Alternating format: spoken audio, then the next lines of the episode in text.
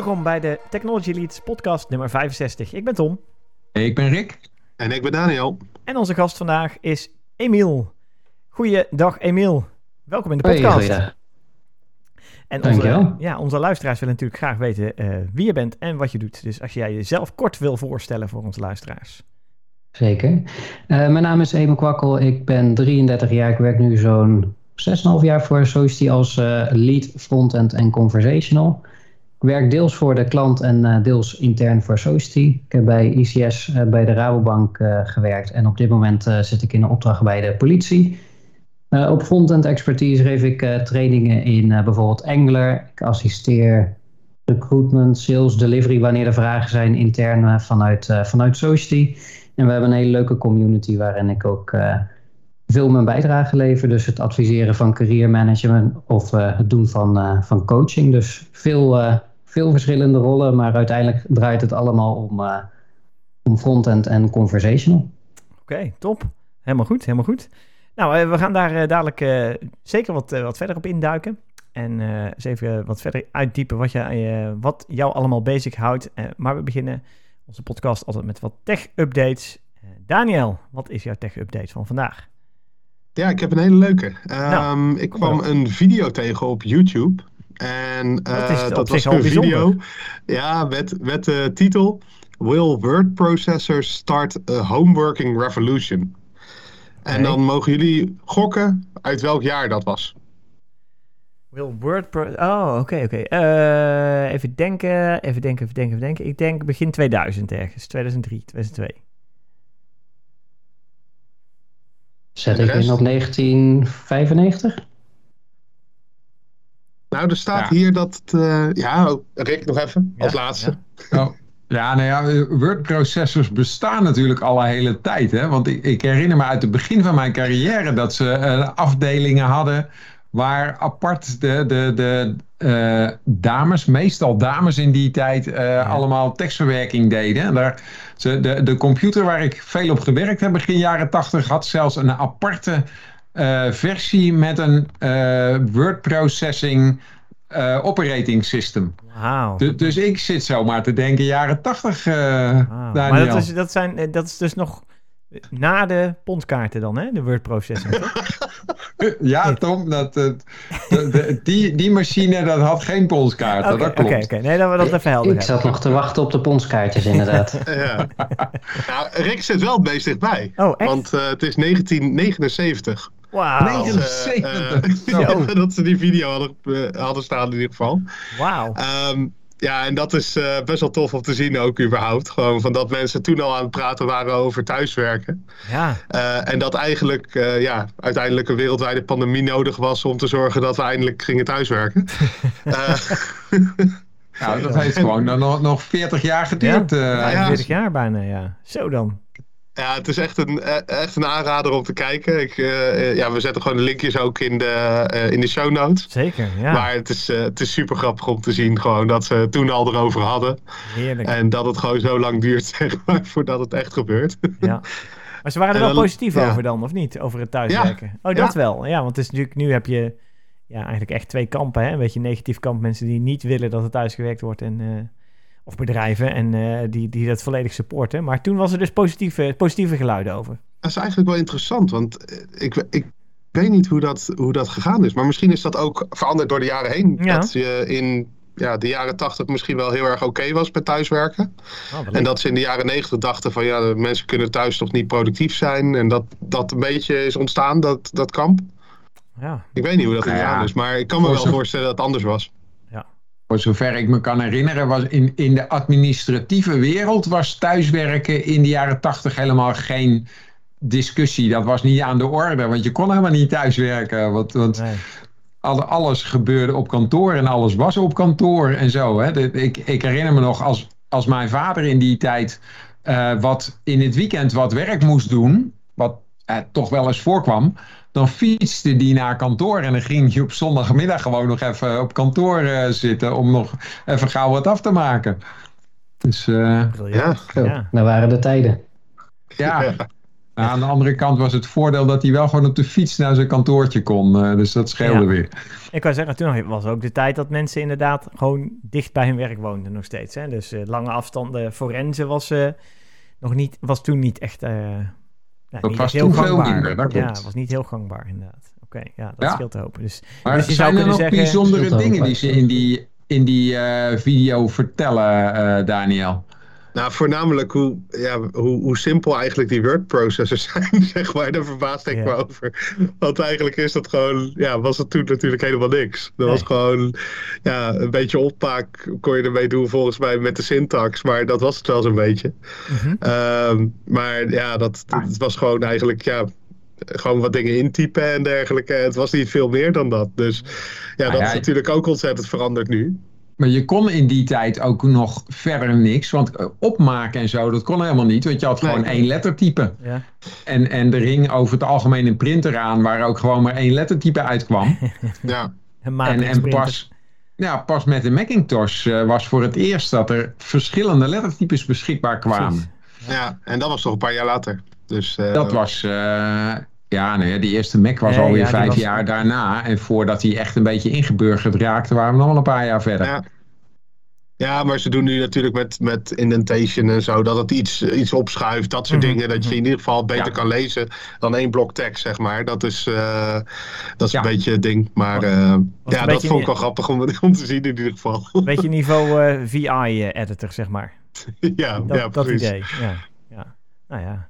Ja, aan de andere kant, hoe complex is een editor nu dan? Ik bedoel, het is ook niet meer... dat- Ja, oké, op, op lettertypes en dat soort Nou, zaken na. Maar Is als ook jij naar Microsoft Word kijkt, daar kunnen wel hele bijzondere dingen mee. eh, zeker als je een beetje met macro's aan de gang gaat en zo. Oké, macro, ja, oké. Maar als je het over macro's hebt. Maar goed, dat is een stukje automation, Ja, nou ja, en, en bijvoorbeeld het opmaken van indexen en het maken van eh, eh, bladspiegel en kolommen en zo. Want als ik dan toch een beetje eh, van, van vroeger begin. Ja. Een van de eerste programma's waar ik aan gewerkt heb, Ja, eh, dat was om eh, een, een, een printdocument te maken voor de Tweede Kamer. Ja. Eh, gebaseerd op eh, allerlei eh, nou ja, in, input gewoon. Maar dat, dat moest dan netjes opgemaakt worden in twee kolommen.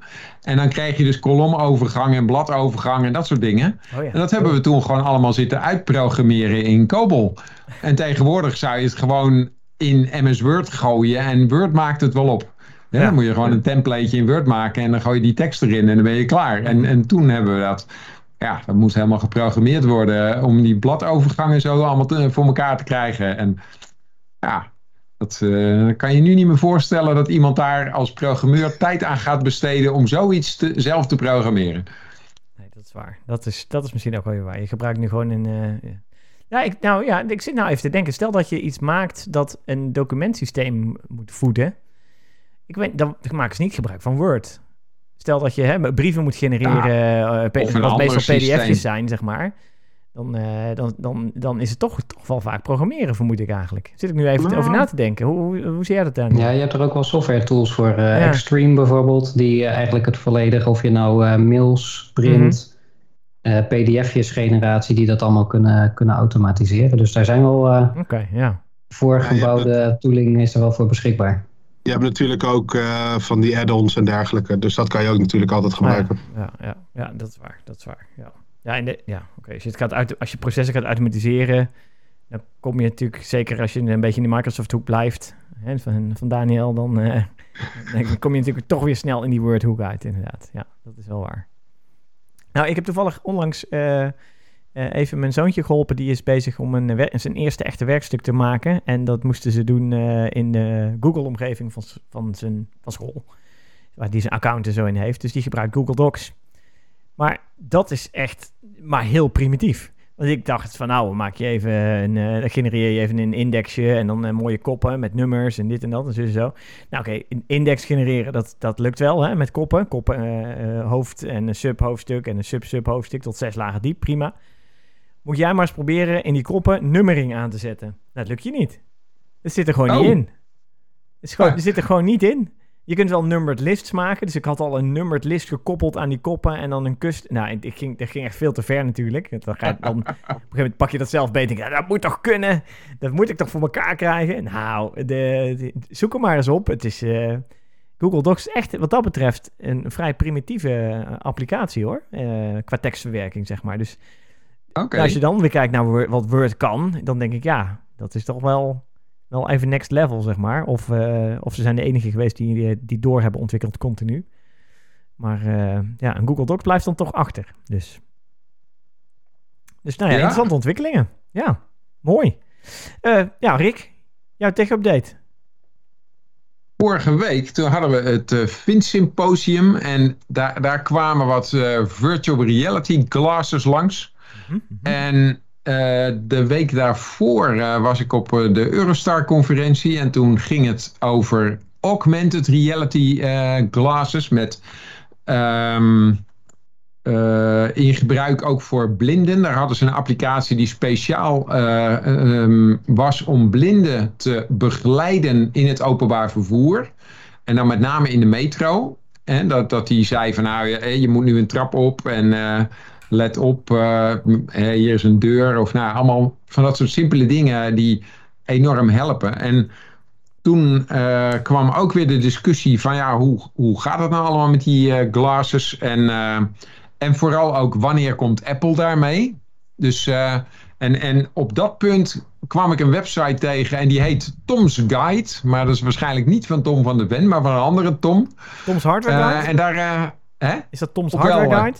Tom's Hardware Guide of gewoon Tom's Guide? Nee, gewoon Tom's Guide. Oh. Tomsguide.com. Oké, ik, uh, ik, uh, ik zal hem uh, ook beschikbaar stellen voor de show notes. Ja, goeie. Ja. Um, maar daar stond in ieder geval een heel stuk dat ze verwachten dat Apple waarschijnlijk eerst met VR-glasses komt. En pas later met augmented reality, dus AR-glasses. omdat dat blijkbaar toch ingewikkelder is.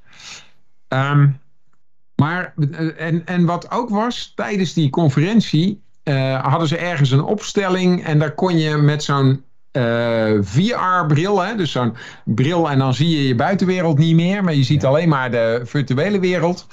En dan uh, hadden ze gemaakt, dan moest je over een balk lopen. En ze hadden op de grond dus een kleine verhoging. Nou, dat was nog geen centimeter hoog.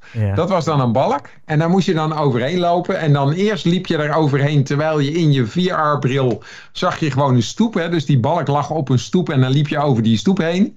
En toen moest je weer terug achteruit lopen. En dan stapte je in een virtuele lift. Die lift ging omhoog en dan stond je opeens op de dakrand van hetzelfde gebouw. en dan zag je heel diep beneden je diezelfde stoep. En dan hadden ze gewoon een balk die stak uit over het, uh, vanuit het dak zo. En dan moest je dan overheen lopen. En ik ben niet zo'n hele erg VR en uh, uh, AR kenner, zeg maar. Dus het was daadwerkelijk de eerste keer dat ik zo'n ding op had. En tot mijn eigen verbazing durfde ik dus niet over die balk te echt lopen. Waar, ja?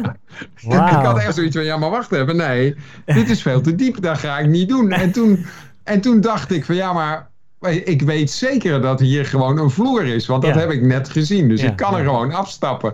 Maar ik had toch zoiets van, nou ja, maar ik ga dat toch niet proberen. Je lijf blokkeerde gewoon. Was, ja, dat was wel uh, voor mij de, echt de ervaring van, oh wacht even, dat, wow. uh, dat virtual reality, dat is toch wel angstig echt. Oh, ja, ja. ja, er zijn ook genoeg filmpjes waarin het misgaat. Dus ik denk als je dat in je achterhoofd houdt, dat ik het uh, misschien ook niet zou durven. Ja, nou ja, maar ik, ik vond dat wel heel, heel verrassend. Dat je dan toch ja, zo vertrouwt op wat je ziet en niet op wat je weet. Ja, ja, ja. ja. Dus, uh, dus ik ben wel benieuwd waar dat allemaal uh, naartoe gaat. Ja, nou ja, is, ja, er is natuurlijk een hele mooie case bekend van uh, de, hoe dat met therapie zeg maar werkt. Hè? Dat je mensen met hoogtevrees juist door dit soort, precies deze situatie die jij nu schetst, Rick, van hun hoogtevrees af kunt helpen. Hè? Misschien moet je niet meteen bovenop ja. het flatgebouw beginnen en eerst wat lager, maar ja, en zo langzaam maar zeker opbouwen. het schijnt dat je dan mensen echt kunt ja, genezen. Ja, of in ieder geval heel hoogtevrees, hoogtevrees is toch wat anders dan over een balk gaan lopen die uit een gebouw steekt. Hè? hoogtevrees is gewoon dat je achter de balustrade bovenop het gebouw durft te staan. En dat durf ik wel. ja, oké. ja. Maar, uh, maar ik, ik, kan het me wel voorstellen. En, uh, ja. Dus uh, ja, het was, was wel boeiend. Maar want ik had het er met Daniel laatst over. Die zei ook van nou, je moet ook zo'n zo'n VR-bril kopen. Maar uh, na deze ervaring dacht ik, nou, ik weet eigenlijk niet of ik daar nou heel blij van ga worden. Ja. Is toch leuk, joh? Ja, ja nee, Misschien kun je jezelf conditioneren dat je er op een gegeven moment wel opstapt op die balk, toch? Ja, ja ik, ik, ik, zie toch meer in uh, augmented reality, uh, waar je gewoon... En ik ben brildragend, hè, dus dat scheelt. Dus ik heb al een bril op. Nou, nou, als daar dan gewoon dingen in geprojecteerd worden, dat kan best wel reuze handig zijn. Zeker, zeker. Nou, we gaan het zien. Ja, nee, ja, zeker, zeker. Maar uh, qua Apple moet ik in ieder geval nog een jaar wachten uh, voordat ze, uh, of ja, dan, de verwachting is dat ze volgend jaar komen met die VR-bril en het jaar daarna met de AR-bril. Dus oh, ja, het duurt nog even. Ja, ja, ja. Nou, op zich een jaartje, plus of min. Ja. Ik vind, het wat, wat, wat zou dan de, de, de praktische toepassing zijn als Apple zoiets gaat introduceren? Nou, geld, geld verdienen. Ja, oh ja. Dat ja, maar ik vermoed dat, dat VR, dat, daar is de killer app is natuurlijk gewoon gaming. Games, ja. En uh, AR, ja, dat is... Het, je kan van alles bedenken, maar wat de killer app gaat worden, is nog maar even de vraag. En ik denk dat Apple, Apple is, anticipeert nu al op dat zij de AR App Store hebben dadelijk. Te simpel is het natuurlijk. Ja. Zij gaan helemaal niet voor die specifieke ene app. Zij, zij zorgen ervoor dat juist alle developers uh, toegang krijgen en heel goed toegang krijgen om die app te ontwikkelen. En ja, je zal zien dat het een race wordt wie er als eerste met zijn apps in die App Store mag, uh, mag komen waarschijnlijk. Ja, nou, ik heb... Zou het, zou het oh, ja, Pokémon Go een... worden of zo? Oh, wat, sorry, uh, Daniel, wat zei je? Zou het geen Pokémon Go worden of zo? Dat je, want dat is natuurlijk ook al AR-achtig. Ja, nou, nou ja, ik, ik zat aan een hele simpele, uh, wat, wat voor mij wel handig lijkt. Ik was vorige week, moest ik even snel wat kopen. En toen was ik in een Albert Heijn waar ik nog nooit eerder geweest was. Oh ja, ja. En die blijkt dan toch weer anders in elkaar te zitten dan mijn eigen Albert Heijn. Ja. Dus, dus in zo'n situatie zou dan AR wel handig zijn. Als ik gewoon zeg, ik heb nu even gauw, wat had ik nodig? Nou, maakt niet uit, iets te eten. En dat je dan zegt, uh, ik heb dit nodig. En dat dat ding mij gewoon daarheen geleidt. Want nu liep ik naar zo'n vakkenvuller toe. En die zei, ja, dat weet ik ook niet. En die ging een andere vakkenvuller halen. Ben langer nou, bezig. En uiteindelijk een paar minuten later hadden ze iemand gevonden die wist waar het lag. Uh, nou ja, dat, uh, dat we dus Terwijl... toch dat laatste restje sociale interactie in de supermarkt, dat kunnen we dan ook nog automatiseren. Oh ja, ja, dat is waar, ja. Nou ja, kijk, maar als die vakkenvuller het nou gelijk weet, dan heb ik verder niet zo'n behoefte aan augmented reality. Maar hier dacht ik van ja, nou sta ik een beetje te wachten tot ze een vakkenvuller hebben gevonden die dat vak wel eens gevuld heeft. Nou, sterker nog, dit is er al hè, eigenlijk. Nog niet helemaal AR, maar de uh, Albert Heijn app, die sorteert je boodschappen lijstje op de winkel waar je bent. Oh, Dus dat is heel handig. Dus dan, uh, ik maak regelmatig als boodschappenlijstjes. En dan inderdaad maakt het dus niet uit welke winkel je binnenloopt. En sorteert het gewoon netjes op de volgorde zoals de indeling van de winkel is. Dus nou, het is geniaal. Oh, dan nou, moet je wel op een nette manier er doorheen lopen natuurlijk. En daar ben ik totaal niet geschikt voor. Want ik ga altijd Chris Kras die hele winkel door, zeg maar. Ja, dan, dat werkt niet. Dat werkt niet, inderdaad. Maar goed, zij weten dus al wat waar is. Dus als zij dat combineren met een AR glasses, zeg maar, dan, uh, dan is dit, ja, dat is snel gemaakt, uh, denk ik. Informatie hebben ze al. Ja, dat is sowieso. Ja, ik, uh, ik ben benieuwd wanneer het komt. ja, en Tom, uh, wat heb jij voor uh, tech-item? Um, nou, ik ook een beetje geïnspireerd op het Vint-seminar wel. tenminste, achteraf gezien kon ik dat terugredeneren. Daar kwam namelijk een vraag langs op een gegeven moment in het bezoekende publiek. heb je een avatar? Dus daar begin ik ook mee. Emiel, heb jij een avatar? Een foto, maar niet een, niet een avatar, nee. Nee, hè? Nee, ja, nee, ik, ik vind inderdaad nee. een foto niet te klassificeren als een avatar. Dus je hebt, oké, geen avatar, geen enkele in een game-omgeving of in een uh, social media-omgeving. Nee, oké, oké. Okay. Nee. Uh, Rick, jij? Avatar? Voor zover ik weet niet. Non whatsoever. Daniel, kom op. Ja, tuurlijk. ik, uh, ik heb wel wat games waar ik uh, wat heb moeten vreubelen aan de, ja, aan de personages en zo. Ja, ja, ja. ja of uh, bij Altspace VR heb ik ook wel eens gedaan. Daar heb je ook zo'n zo'n poppetje. Sterker nog, ik weet, je hebt zelfs een sticker met een jouw eigen avatar erop. Klopt. Nee, je, hebt, je hebt gewoon stickers, man. Je kan er gewoon je avatar overal opplakken gewoon. Helemaal goed, hè? ja, heel goed, heel goed. Nou ja, dat laat ook zien dat avatars is, is uh, best wel een breed begrip. Kijk, een foto vind ik inderdaad niet klassificeren als een avatar. Het moet wel iets gecustomized zijn. Uh, uh, iets wat lijkt op jou in het echt, zeg maar. Dus het is meestal een digitale representatie van jou. en dat kan iets gepersifleerd zijn. Dat kan gecartoond, cartooneske representatie zijn of iets dergelijks. Of het kan ook iets zijn ja, het moet jou representeren, dus het hoeft niet per se op je te lijken. Hè? En dat, dat klassificeert de avatar wel. En ik zag een leuk nieuws item op The Verge uh, dat uh, Meta uh, nu ook zijn eigen avatar store gaat lanceren. En wat kun je dan kopen in, je, in die avatar store, vraag je je af. nou, avatars? Nee dus, geen avatars, maar kleren. Kleding. Kleding? kleding, ja. Om je poppetje aan te kleden. Om, om je avatar aan te kleden. Ja. Dus dan denk je, ik wil vandaag een blauwe trui aan mijn avatar. En dan koop je een blauwe trui voor je avatar. Ja, of je, of je hebt zoiets van, nou, ik wil, even, ik wil een hippe nieuwe outfit en ik weet niet, niet precies wat. Dan ga ik uh, een beetje op, voor inspiratie op zoek in de, de Avatar Store. Op zoek naar kleren. Ja, ja. En dan ga je een beetje rondlopen, door de rekken heen uh, browsen, wat aanproberen, kijken of het staat. En dan, uh, ja, kun je dat zo doen. En nou ja, het is wel grappig wat, wat op zich te voorspellen wat dan de eerste merken zijn in die Avatar Store, zou ik haast zeggen. Wat denken jullie? Een Nike, of zo. Ja. Oh, oké, nee. Ja, die zullen ongetwijfeld niet, niet lang op zich laten wachten. Maar nee, het zijn de designer uh, merken. Dus uh, uh, ik zag Balenciaga en Gucci en Prada en dat soort namen. Die hebben, zijn als eerste in de Avatar Store gekomen. Het nieuws en die krijgen dan een percentage of zo? Ja, ja zeker. Zeker, ja. Hm. En er zijn zelfs al digitale fashion, hoe noem je dat? Eh, designers. Ja, fashion designers. Want een Prada en een Gucci en nou, alle merken, modemerken hebben natuurlijk gewoon fashion designers in dienst. Maar je hebt dus ook digital fashion designers. Dus die bedenken, ze kopiëren niet zozeer het fysieke kledingstuk naar een digitale wereld, maar ze bedenken het echt digitaal. Dus nou, dat is natuurlijk ook wel een fascinerend nieuw beroep wat daarmee ontstaat gelijk.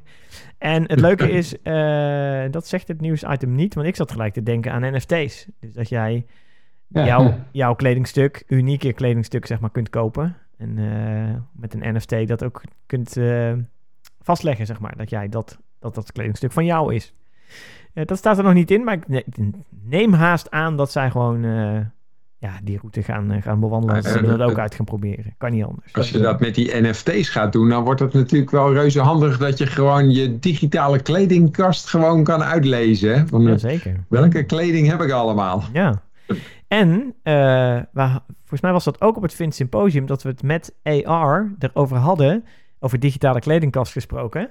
Dat je, uh, als je de kledingkasten van je vrienden, vriendinnen aan elkaar koppelt, dus overal oh, fotootjes van maakt, dan kun je op een, in een digitale wereld shoppen. Dus kijken wie heeft er een kledingstuk wat ik volgende week naar een feestje aan wil. En het dan fysiek ook nog eens aan, elkaar uitwisselen, zeg maar. Zodat jij ook de kleding van nou, vrienden of uh, vriendinnen zeg maar, aan zou kunnen doen. En dan heb je dus gewoon een veel een beste sustainable oplossing eigenlijk meteen gecreëerd. Want je hoeft zelf niet heel zoveel kleding meer aan te schaffen. Ja, maar nou, nou haal je wel die kleding van die, van die uh, avatars en je echte kleding door elkaar, hè? Ja, nou ja. Dat... waar, waar, jij het nu over hebt, is gewoon echte kleding. Dat, echte je kleding, denkt, ik ga naar een feestje, niet met avatar, maar gewoon zelf. Ja, ja. Ja. Maar goed, je kunt dit daar dan weer aan koppelen. Dat je je avatar gebruikt om die kleding mee te passen. En, en et cetera. Je kunt oh, er een soort keten van maken van dingen. En ik vond het grappige, dat, dan hou ik erover op, dat toen ik uh, dit nieuwsitem aan het bekijken was, dat een van de reclameblokjes die op de, op de Verge mij getoond waren, uh, was van Nike. Uh, die mij uh, nou, net niet een avatar, maar wel liet zien hoe ik allemaal kleren aan elkaar kon klikken. Van sokken tot broeken tot shirtjes, hoodies en whatnot. In zo'n, oh. Dus die was meteen gelinkt aan het nieuwsitem. Ja, dus ja. Kwestie van tijd en dan zitten ze er ook in. En heb je wat dan, Nee, ik heb nog niks gekocht. Nee, nee, nee, nee, nee, nee, nee. nee, nee. dan kun je uiteindelijk wel voorkomen dat je iets dus bestelt wat je daarna weer terug moet sturen. Als je gewoon direct het aan kan passen, het, goed, dat scheelt dan weer in uh, transport. En, ja, uh, ja, absoluut, absoluut. Ja. Ja, zeker. Dat is het. En, en dat scheelt alleen in het weggooien. Want ik las laatst ergens dat al die teruggestuurde kledingstukken dan gewoon weggegooid worden. Omdat dat goedkoper is dan ze opnieuw verkopen. Nou, opnieuw verkopen is het probleem niet, maar ze willen jou altijd de beleving geven dat jij een nieuw product koopt. Dus dan moet het in een verpakking zitten.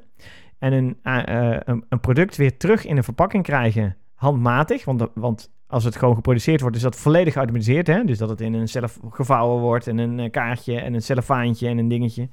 Dat is helemaal geautomatiseerd. Maar om dat met de hand te doen, is duurder dan het weg te gooien.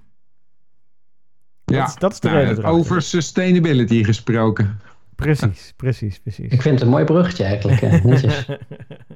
nou, uh, Emiel, leg uit. Waarom is het zo'n mooi bruggetje?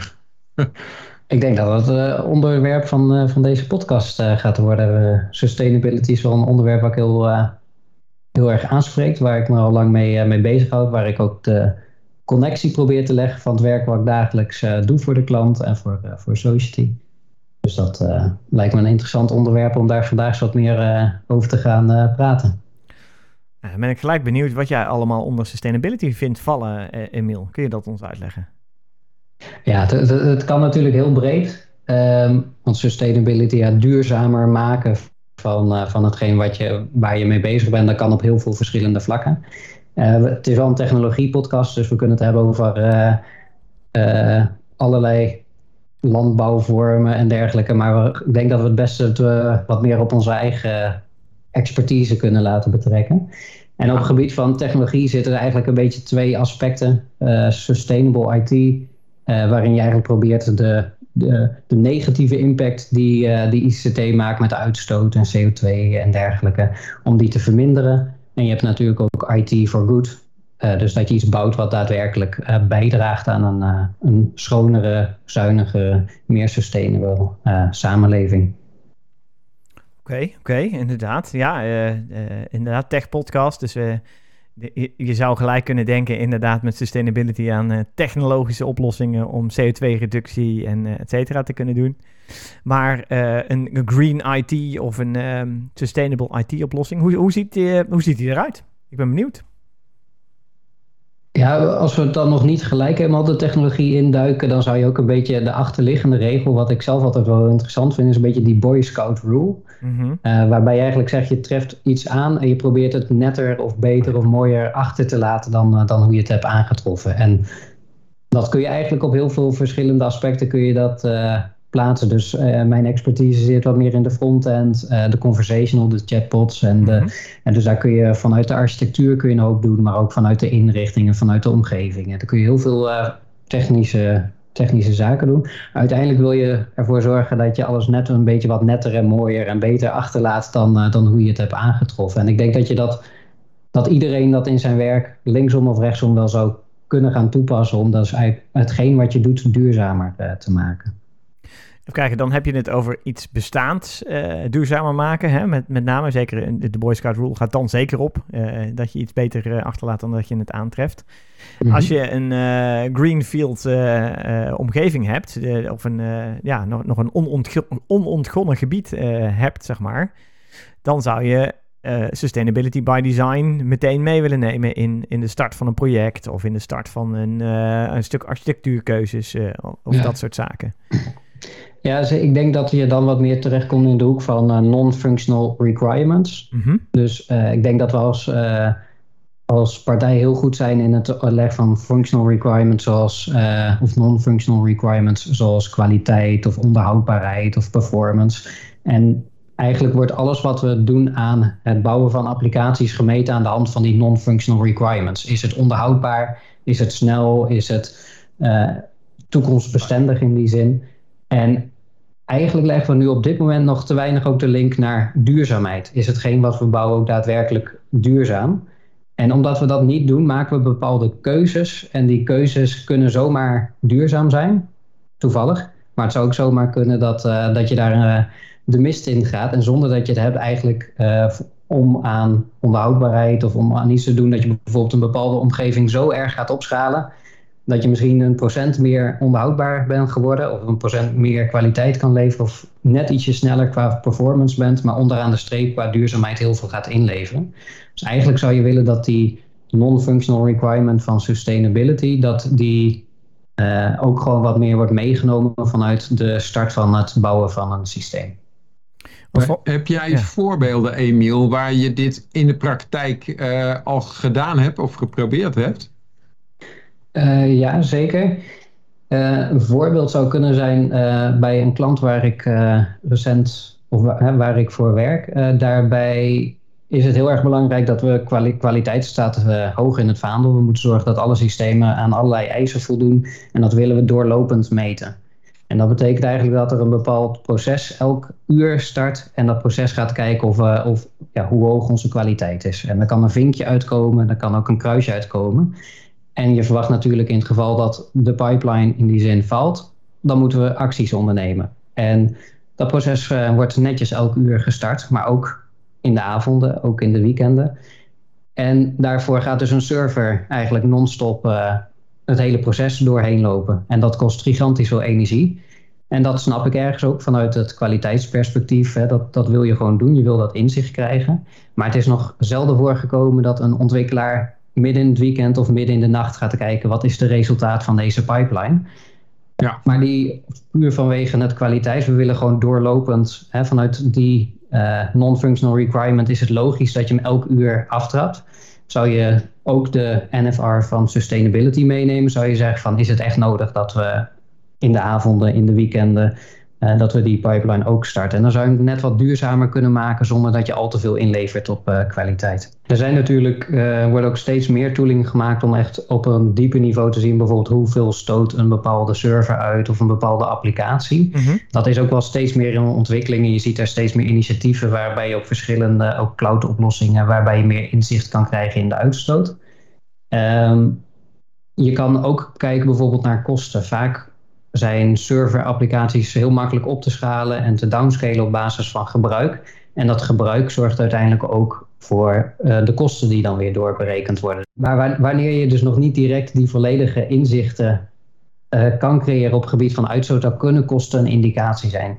Tegelijkertijd wanneer je zegt van wij gaan onze Nederlandse webhost vervangen en we gaan naar een Amerikaanse webhost die aan de andere kant van de oceaan zit, kan dat in kosten natuurlijk een hoop schelen. Ja. En tegelijkertijd als elke request uh, naar de andere kant en weer terug naar de oceaan uh, heen en weer moet reizen, dan is het qua sustainability natuurlijk niet heel veel beter. Um, een voorbeeld daarvan zou wel kunnen zijn bijvoorbeeld mijn eigen website. Um, ik heb mijn eigen website emilkwakkel.nl gemaakt en voor mijn gevoel was dat een mooie, duurzame, leuke website. Een beetje overengineerd. Uh, dat doen techneuten natuurlijk. Uh, maar ik had niet in die zin het idee dat mijn eigen website nou heel erg slecht zou scoren op het gebied van sustainability. Ja. Um, en daar kon je een scan doen. Oh ja. En die scan gaf eigenlijk aan dat mijn website meer vervuilend is dan 92% van alle andere websites waar die ze door dezelfde scan gooien. En dat is een simpele website, uh, heel weinig page views per maand. Ja. Uh, maar tegelijkertijd denk je, ja, sustainability is een belangrijk onderwerp voor mij. En zonder dat ik het eigenlijk zelf door had, um, scoorde ik daar op mijn eigen website al niet goed voor. En dan denk je, ja, uiteindelijk bouwen we ook voor klanten met miljoenen page views, zeg maar. En niet een aantal honderd uh, in de maand max. Ja. Maar kun je iets ja, waar aan, aangeven waar dat dan aan zat? Dat die niet zo sustainable was? Wat voor, op wat voor aspecten? Uh, het zat hem bijvoorbeeld in de afbeelding. Hele grote uh, afbeeldingen die werden over de lijn werden gestuurd, niet, uh, niet verkleind. Maar ook uh, het, het, het, was een single page application, oftewel de hele applicatie wordt eigenlijk volledig over de lijn gestuurd en vervolgens gerenderd op de device van de gebruiker. Dat is in, voor grotere applicaties is dat wel aanvaardbaar vaak, helemaal wanneer je het gaat opsplitsen in losse modules. maar in mijn geval was dat eigenlijk een aardige overkill. Je zou in die zin eigenlijk in de nieuwe versie die ik nu aan het maken ben, wil je gewoon server-side rendering hebben en puur hetgeen wat, uh, wat je over de lijn stuurt, is ook hetgeen wat, wat uiteindelijk nodig is.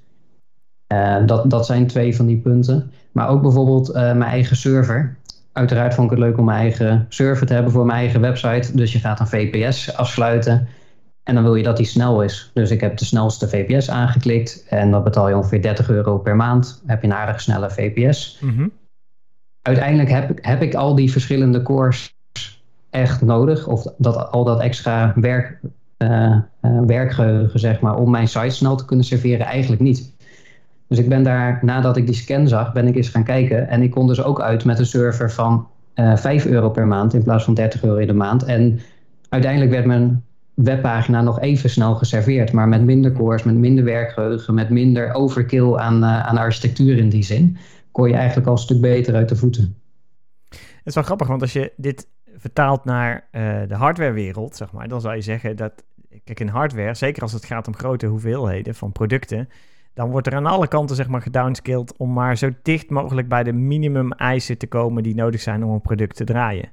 In termen van energieconsumptie, maar ook in termen van componenten. Hè? Want uh, hoe meer componenten erop zijn, of hoe sterkere processor je nodig hebt, hoe duurder het product is. En als je dat keer 100.000 doet, dan is dat heel duur. Hè? Dan, uh, of tenminste, dan, dan is de, uh, de, de, de, worden de marges zeg maar heel anders. Dus het is wel interessant als je het nu over een IT-product hebt, zoals een website.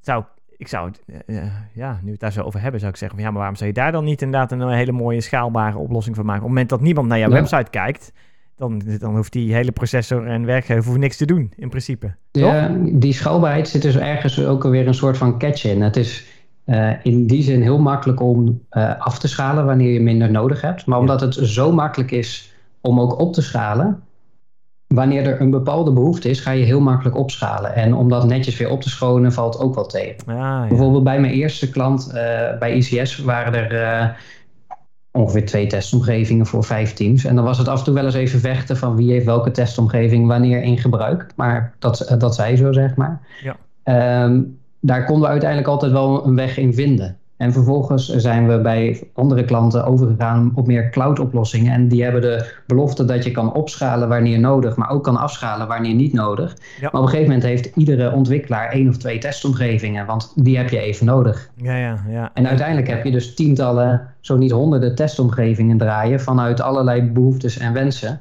Dat je dacht, nou, een aantal jaar geleden konden we het ook met een enkele omgeving af. En ja. dat, dat daar moeten we een balans in vinden uiteindelijk voor uh, hoe kun je de efficiëntie en hoe kun je als ontwikkelaar sneller werken en uh, hoe kun je makkelijker op- en afschalen, maar dat je daar ook wel die duurzaamheid in meeneemt. Maar dan ben ik benieuwd, wat de, de, mogelijkheid die jij schetst is tegenwoordig vooral omdat er cloud-omgevingen zijn en dan is het voor iedereen heel makkelijk om zijn eigen omgeving te hebben. Um, maar vaak wordt er geroepen dat cloud-infrastructuur uh, meer sustainable is dan on-premise uh, uh, IT-componenten. maar eigenlijk krijg ik nu de indruk dat, dat vroeger dan werd de testomgeving werd beperkt door, door gewoon wat voor hardware er stond bij een organisatie. En nu is het in principe oneindig. Dus het zou zomaar kunnen dat tegenwoordig er minder sustainable wordt omgegaan met omgevingen dan toen het nog on-premise stond? Of, of zie je dat anders? Nou, ik denk dat dat eigenlijk, uh, wat, wat, je op laatst zegt, is heel, een hele goede toevoeging. Hoe er omgegaan wordt met. Dus uiteindelijk kan een cloud-oplossing best wel uh, efficiënter en beter omgaan met energie en uh, over, de, over de gehele loopbaan, zeg maar, uiteindelijk een betere oplossing zijn. Maar het is wel hoe je ermee omgaat. En als uiteindelijk die mogelijkheden van onbeperkt kunnen opschalen, bijvoorbeeld ervoor zorgt dat je tientallen omgevingen aanmaakt waar je onderaan de streep een negen de hele dag aanstaan uh, en de rest eigenlijk uh, ja, ongebruikt of eens in de week een keertje gebruikt worden, dan zul je eigenlijk uh, op een andere manier moeten omgaan met die verantwoordelijkheid die je krijgt op het moment dat je heel makkelijk dus kan upscalen, maar ook kan downscalen. Het valt of staat dus gewoon met je eigen digitale rommel op te ruimen. Dat is eigenlijk wat hier uh, ja. aan de hand is, toch? Ja. ja, je probeert je footprint te verkleinen, maar uiteindelijk wil je dat ook doen vanuit een, bepaalde, vanuit een bepaald inzicht. En uh, bijvoorbeeld het voorbeeld waarin we elke, uh, elk uur een pipeline starten om de kwaliteit van de applicatie te meten. Op het moment dat ik op een gegeven moment aangaf, zou het niet meer sustainable zijn om dat aan te gaan passen? Dan zeg je ja, maar het kost werk om het aan te passen. En uiteindelijk is er niemand die rechtstreeks uh, wordt afgerekend omdat het geen harde non-functional requirement is die wij binnen onze organisatie stellen.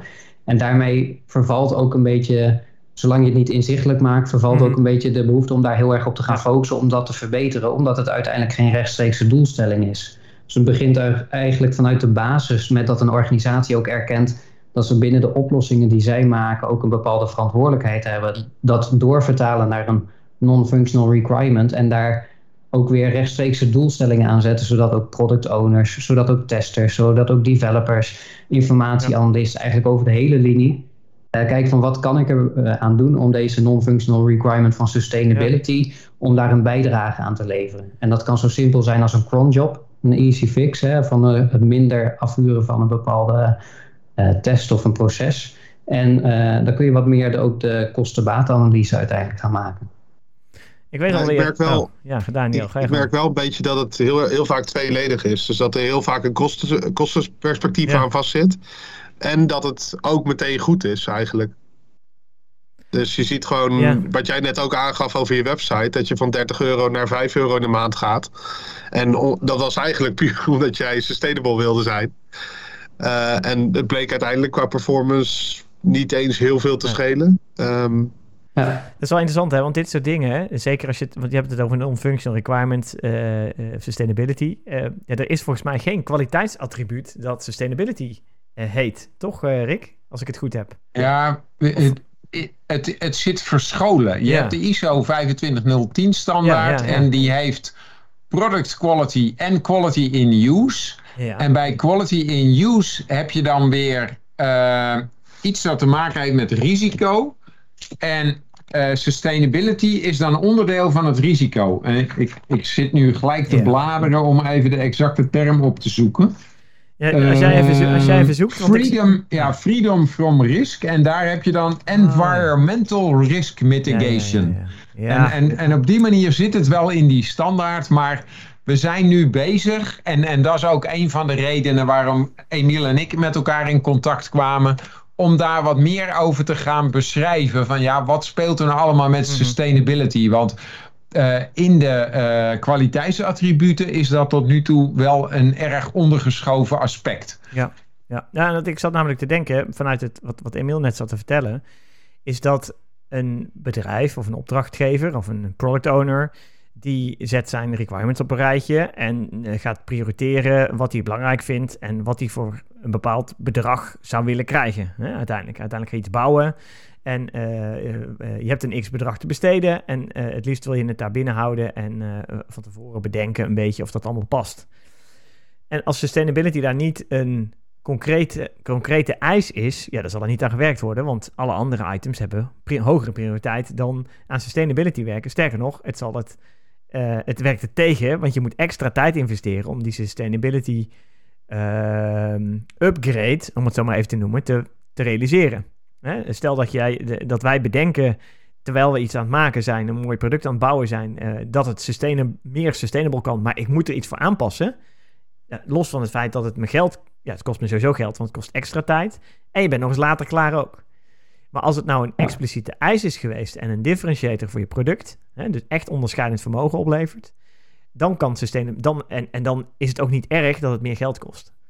Want dan is dat helemaal geen issue meer. Ik, ja, maar ik denk dat als je sustainability vanaf het begin in het ontwerpproces meeneemt, dat, je, dat de kans vrij groot is dat je vanzelf Zeker. Uh, meer lean en mean systemen gaat ontwikkelen. En je ook gewoon afvraagt van deze bijzondere functie, waarom gaan we die bouwen? Want er zijn maar drie mensen in de hele wereld die hem hebben willen. Ja, uh, ja dat is niet sustainable. Die drie mensen hebben gewoon pech. Ja. Maar dat, maar dat is inderdaad... Dat klopt ook wel wat uh, Daniel net ook wel aangaf van kosten en sustainability gaan vaak ook wel hand in hand. En dat is ergens ook wel wanneer de de non-functional requirement van sustainability nou niet echt in de hart zit of nog niet een harde doelstelling is, kun je hem ook vaak doorvertalen. Wat gaat een efficiëntere pipeline betekenen voor de snelheid waarop we nieuwe functionaliteiten kunnen opleveren? En dus zo, zo kun je hem in die zin ook inkleden wanneer je als bijvoorbeeld bij, als developer bij een organisatie zit en je wil daar werken aan de sustainability. Uh, dan kun je ook kijken van op het moment dat wij dit meer sustainable maken, wat, wat zijn eigenlijk de zijeffecten? En zitten daar wel doelstellingen waar de organisatie harde harde criteria op, opzet. Dus wanneer een pipeline nu anderhalf uur duurt, dan zou het zomaar kunnen zijn dat je zegt van op het moment dat je nu als ontwikkelaar een bepaalde kleine aanpassing maakt, ergens een punt of een komma of een kleur van een knop verandert, en vervolgens wil je dat uh, uh, wil je dat richting productie krijgen. En je bent anderhalf uur bezig om alle testen uit te voeren, om alle uh, deployment stappen te doorlopen. Dan kost dat gewoon heel veel efficiëntie. En je wil eigenlijk dat een gebruiker sneller Mm richting productie kan, meer de DevOps-gedachte omarmen. En zo kun je ook zeggen, dan kun je bepaalde tooling en technieken gaan introduceren om eigenlijk die kleine wijziging ook als een kleine wijziging snel en efficiënt door het proces heen te krijgen. Dat is meer sustainable en het helpt ook in de doelstelling van CI/CD, uh, meer DevOps-gedachten. En het zorgt ook voor dat de servers minder gebruikt worden. En doordat de servers minder gebruikt worden, scheelt het in kosten. Uh, de performance wordt beter. Dus zo kun je allerlei andere linkjes gaan leggen om uh, sustainability in te kleden. Het mooiste zou natuurlijk zijn wanneer het gewoon vanuit de basis meegenomen mhm. wordt in het systeemontwerp. Dat is eigenlijk de ideaalplaat. Ja. Wat ik daar dan nog wel in mis, is de sustainability op lange termijn. Hè? Want in, in projecten, en, dat geldt niet alleen voor sustainability, maar ook voor andere kwaliteitsdingen, uh, uh, wordt in projecten toch vaak naar de duur van een project gekeken en niet naar de levensduur van een IT-systeem. Dat zou zomaar kunnen dat uh, een, een IT-systeem, als dat tien jaar in gebruik blijft, dat dan iets meer werk tijdens het project, wat misschien ook op korte termijn wel niet zo sustainable is, op lange termijn toch meer sustainability oplevert. Maar de, de, eh, en, en dan kom je ook een beetje op een discussie die op een heel ander vlak. In deze podcast kom, komt Lego nog wel eens langs. En dan wordt er geroepen dat dat plastic wat Lego gebruikt niet sustainable is. Oh ja, ja. Maar mijn, mijn kleinkinderen zitten nu te spelen met de Lego die ik heb gekregen toen ik kind was. En dan denk ik, nou dat is best wel heel sustainable plastic. Want dat gaat gewoon 50 jaar mee. Dus uh, er is helemaal niks mis mee. En sterker nog, plastic is een heel sustainable product. Zolang je het maar niet in de natuur gooit en niet uh, afdankt. Ja, nou, maar het maakproces is ook niet altijd even sustainable. Maar... Nee, nee, nee, maar de, de, de duurzaamheid van een plastic product is zo, eigenlijk zo groot... dat als je dat meeneemt en het ook echt zou uitnutten... Hè, net zoals met Lego, daar doe je dat, dat... dan is het een heel sustainable product.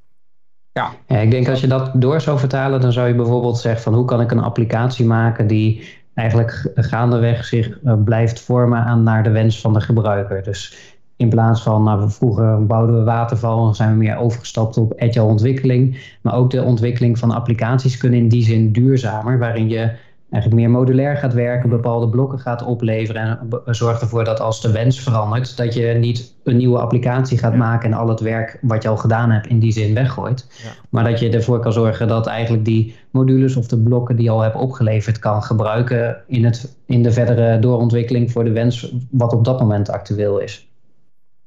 Mits, mits modulair ontwikkelen dan nog steeds gangbaar is. We niet dan iets heel anders geks bedenken.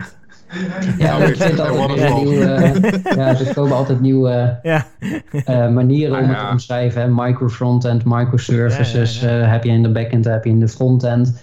Uh, maar ook op het gebied van monorepositories, als je dan op de frontend technologie dan praat, daar zit ook heel veel ontwikkeling. Maar onderaan de streep probeer je uiteindelijk je applicatie modulair te maken en niet allemaal op elkaar in elkaar gehaakt, zeg maar. Dus de, de terminologie verandert, de techniek die erachter zit verandert. Maar we proberen het wel steeds minder framework specifiek of steeds minder zo te maken dat je het eigenlijk uh, maakt om het na een half jaar weer weg te gooien. Mm -hmm. Ja, ja. Nee, ik zat ja. meer te denken aan uh, quantum architecturen en uh, optical computing. Als je die kant uitgaat, of het dan nog allemaal in stand te houden is. Maar ja, goed, dan wordt het wel heel exotisch natuurlijk. inderdaad. Voorlopig zijn we daar nog niet. Nee, daarom. daarom, daarom. Nee, Emiel, ik heb nog wel even een vraagje. Um, zie jij nou bij veel partijen tegenwoordig dat zij sustainability steeds meer meenemen? Want ik, ik, ik zie het vooral bij overheden zie ik het heel veel gebeuren. Die ook bijvoorbeeld in de aanbestedingen en dergelijke echt een eis hebben van joh, uh, uh, met uh, CO2 uitstoten, weet ik veel wat allemaal, wat allemaal meegenomen wordt, wat ook punten voor een aanbesteding bijvoorbeeld zijn. zie je dat steeds meer bij andere bedrijven ook?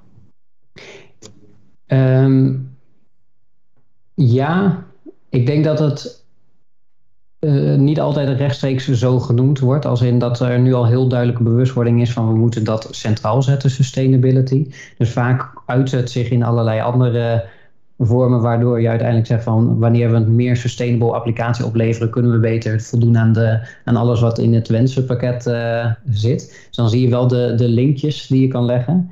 Ik denk wel dat het iets is wat heel snel ook gaat omslaan. Je ziet het inderdaad bij overheden al meer naar voren komen, bij aanvragen, maar ook bij bids wel die we uitvoeren bij klanten, zie je dat het wel wat meer een vraag is en actueel wordt. En je ziet ook dat organisaties, eh, bijvoorbeeld Shell recentelijk ook hè, met uh, Milieudefensie, ook steeds meer eraan gehouden worden en verwacht worden dat ze er acties op gaan nemen. Dus los of het helemaal vanuit de organisatie, uh, vanuit zichzelf ontwikkelt, zien we wel dat dat gewoon een trend is waar we steeds meer op, op kunnen en mogen gaan, gaan inzetten. En dat dat waarschijnlijk in de komende jaren wel heel veel meer gaat groeien ook. Mooi. Gaaf. Ik ben benieuwd uh, hoe, de, hoe de groei uh, doorzet. En ik hoop dat het een mooie exponentiële groei gaat zijn voor sustainability in, nou, in product development in de, de breedste zin van het woord. Niet alleen in de IT-kant, maar ook aan de OT-kant. Ik denk dat er ontzettend veel te winnen is op, op dit vlak. dus dank voor nu, Emiel, voor je, voor je inzichten. En een leuk inkijkje in wat er op dit moment gaande is en, en waar jij je mee bezig houdt wat betreft sustainability.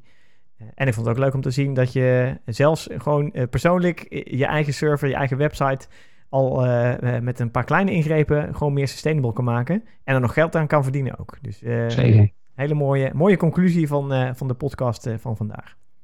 Dankjewel en ook bedankt voor de uitnodiging. Graag gedaan. dank inderdaad voor, de, voor je bijdrage. dank luisteraars voor het luisteren. En ik zou zeggen tot de volgende podcast. Tot de volgende. Tot de volgende keer.